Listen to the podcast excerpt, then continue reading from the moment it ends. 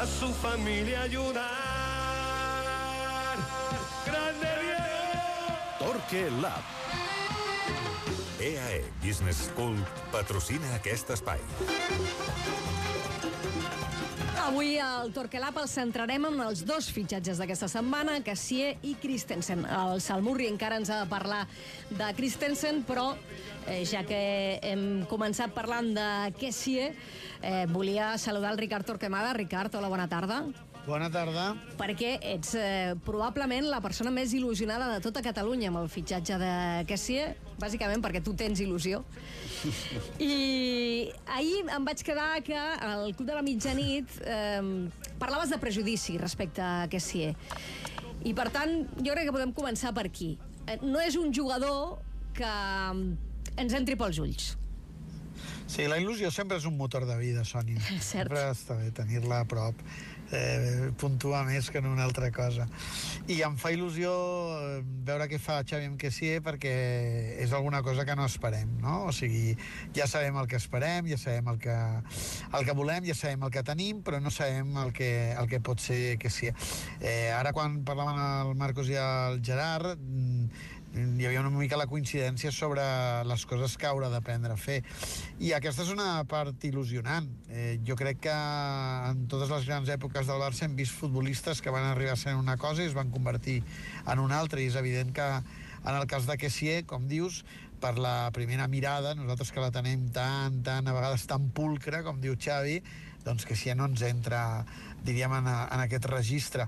Però aquí la clau és saber que si té condicions o qualitats per poder arribar a ser això, eh, el que l'entrenador vol i per què el vol i com el vol, que ara parlàvem, no? I, i per quines situacions el vol, i això em fa il·lusió descobrir-ho, sí, perquè amb altres futbolistes més o menys ja sabem que ens trobarem, i en el cas de Kessier crec que no, i, i com que s'allunya una mica del que no la nostra mirada eh, hi ha un prejudici que és evident tot i que això del prejudici no ho vaig dir jo eh, m'ho va dir algú que l'havia fet Ah. un seguiment exhaustiu durant, durant aquest any eh, i, que, i que entenia que hi havia un prejudici que és justament el que estem, el que estem manifestant no? Mm -hmm. um, tu te l'imagines titular en aquest Barça? El Gerard Autet, per exemple, ens deia, ens deia que ell creu que serà més aviat un recurs. Creus que es pot fer uh, fins i tot amb un lloc a l'11? Eh, jo crec que, que, que com, més com a recurs que no com, com a titular. Mm. El que passa és que el tema dels titular, de les titularitats, i ara que parlàveu de Keita, Keita era titular o no era titular en aquell equip? No. Difícil No ho era, però va de jugar, saber, partit, no, no. però va jugar partits Ah, molt importants és el que anava a dir, no ho era, però Sí. en partits importants sí que hi era. Sí, sobretot no, aquells partits durs fora de casa Sí, sí. era un, Ah, bé, un ah, vull dir recurs. que- Sí, Vull, sí. vull dir que, clar, que titular eh, sempre ens estem movent en un 11 titular que estaria bé que el Barça no tingués 11 titular aquesta seria la primera clau per tant seria interessant que ningú fos titular Mm. eh, i a partir d'aquí jo crec que, que si no hauria de ser diríem la prioritat al mig camp pel que ha manifestat Xavi eh, que vol dels migcampistes però compta perquè el que no sabem en què, és en què es pot convertir que sí, no? Eh, ens, ens, ens ho podem imaginar i podem ser escèptics però jo crec que aquí hi ha una funció clara de l'entrenador que entenc que ha donat el vistiplau al fitxatge i que entenc que li pot generar algunes coses que no té i li pot eh, estimular la competència i és un altre, com deia el Marcos un altre perfil de migcampista que el Barça necessita perquè també estem parlant de futbolistes eh, al mig camp de jugadors en futur i en present però que tots són joves i que també estaria bé diríem, trobar un equilibri entre experiència, entre competitivitat, entre, entre tots aquells elements que fan que un equip sigui després tingui rendiment. Mhm. Deia l'Autet que és un jugador que guanya duels. Diries que és el que més ens agradarà d'ell o hi ha alguna altra faceta que tu dius eh, això ens Jo- impactarà? Jo crec que, jo crec que l'arribada a la segona línia, jo crec que és un, el Barça no té gaire migcampistes amb arribada, que és una cosa que Xavi ha demanat molt als seus interiors i que els hi ha costat. Eh, hem vist Frenkie de Jong en algunes etapes aquestes últimes temporades amb molta presència arribant des del darrere, eh, sobretot pel, pels passadissos de l'interior quan la pilota és de l'altra banda eh, i jo crec que, que si és un jugador que li agrada trepitjar àrea i que li agrada finalitzar Per tant, tu el veus més d'interior que de mig centre, eh? Pel que dius. D'entrada sí, però, però vull, vull guardar-me la reserva perquè insisteixo que és una espècie de migcampista que, que el que ens aniria bé és que Xavi primer es manifesti abans que nosaltres, però sí, eh, ell per la seva eh, verticalitat, per la seva llibertat, eh, no és gaire posicional com per jugar com a, com a mig centre. I per tant em costa imaginar-me en aquesta posició que eh, feta a imatge i semblança de Busquets és molt posicional i una de les, jo crec que una, de- un- una de, les, de les coses que té que sí és aquesta, aquesta arribada i aquesta capacitat per finalitzar. Jo crec que és un molt bon finalitzador arribant des de la segona línia i el Barça necessita migcampistes amb gol.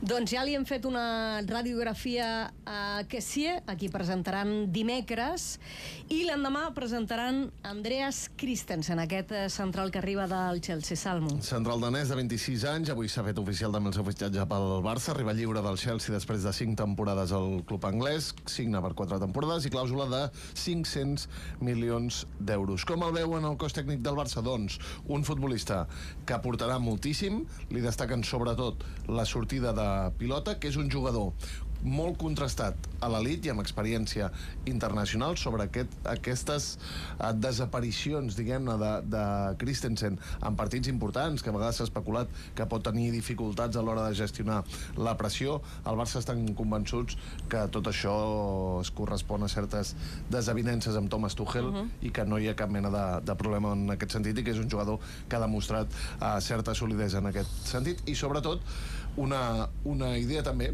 que és que se'l vol provar de mig centre, com a possible recanvi de, de Sergio Busquets. Sí, sí, és una de les idees que, que hi ha en ment al cos tècnic del Barça. A veure com respon Christensen en aquesta situació. No està malament perquè, per tant, tenim dues possibles alternatives a Busquets durant aquesta setmana. Hem Mhm. Sí, passat sí. de tenir eh, temporades sense un substitut clar de Busquets. Bé, tampoc el tindrem clar perquè seran les alternatives. En tot cas, el volen provar perquè deuen pensar que pot tenir habilitats per jugar de mig centre. Ricard, tu te l'imagines de mig centre, Christensen? Seria el més semblant a un Ed Milson de fa 15 anys, no? Home, el Nilsson de mig centre ja el veia bastant.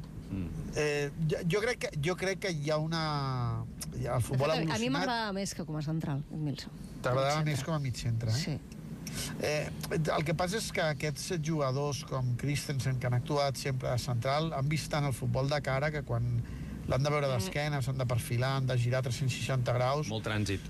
pf, els hi costa molt i Sí. tot va molt ràpid. I, i Christensen és de, és de gambada llarga, no és de gambada curta, eh, com diu el Gerard, eh, eh, hi ha poc temps per reaccionar.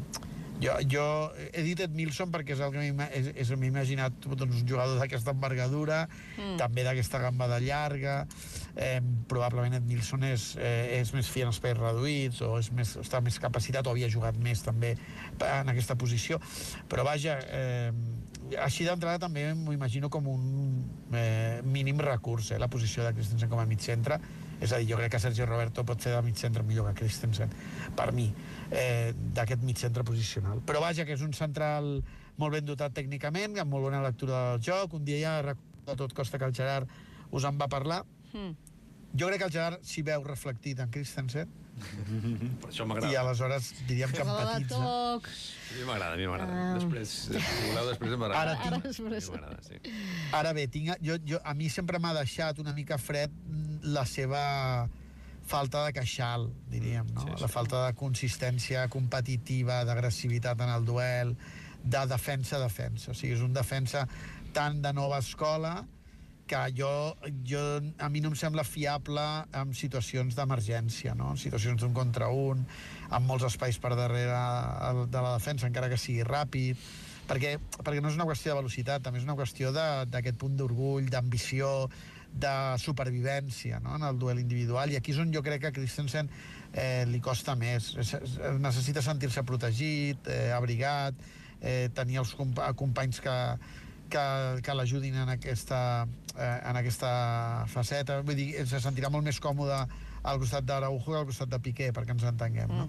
I aleshores hem de veure exactament quina, per quina parella opta Xavi. Te l'imagines amb molts minuts? Ja no et pregunto si te l'imagines titular, perquè no existeixen, Me l'imagino però... en molts, me l'imagino en molts minuts, sí, Sí? però, no, però, però no, jo, jo crec que encara ha de fer un pas endavant per convertir-se en una opció prioritària a l'eix de la defensa. Però, però sí, té moltes condicions per, per, pel que li demana Xavi com a, com a central, eh, sobretot en partits on el Barça hagi de tenir molta pilota i atacar i atacar molt. Eh, en partits eh, amb espais més oberts i partits on el Barça no, no, no tingui tant control de partit, eh, si el partit es descontrola, jo crec que Christensen no, no és un central em, fiable defensivament o prou fiable defensivament com per aguantar-te situacions de constants d'emergència. Va, doncs tanco, que ara els hi preguntaré al Marcos, al Pere i al Gerard què els hi sembla Christensen, però abans amb tu, eh, Christensen i Kessier, creus que el Barça ha fet dos bons eh, fitxatges a cost zero? És a dir, creus que... Sí, sí, sí. Jo crec que són dos, dos molt bons complements a cost zero. Sí. Jo no hauria fet cap aposta per cap d'ells eh, en no a cost zero, però jo crec que potser el Barça tampoc, però sí són dues opcions de mercat a cost zero que poden ajudar molt a la, a la defensa i al, i al mig camp sense ser opcions eh, prioritàries. Bé, però en tot cas, eh, Ricard, com que els diners no són teus, també si han de pagar, que paguin. Ah, sí, sempre, sempre. Però per això ja estàs tu, per cuidar-lo. Per cuidar per això has números, volgut no? matisar fitxatges a cost zero. Exacte. Tu sempre és futbol i economia. Sempre barrejat. Molt bé, Ricard, eh, doncs moltes gràcies i A tu. vagi bé l'estiu si no ens veiem, però Adéu a continuarem tothom. estant en contacte. Gràcies, Ricard.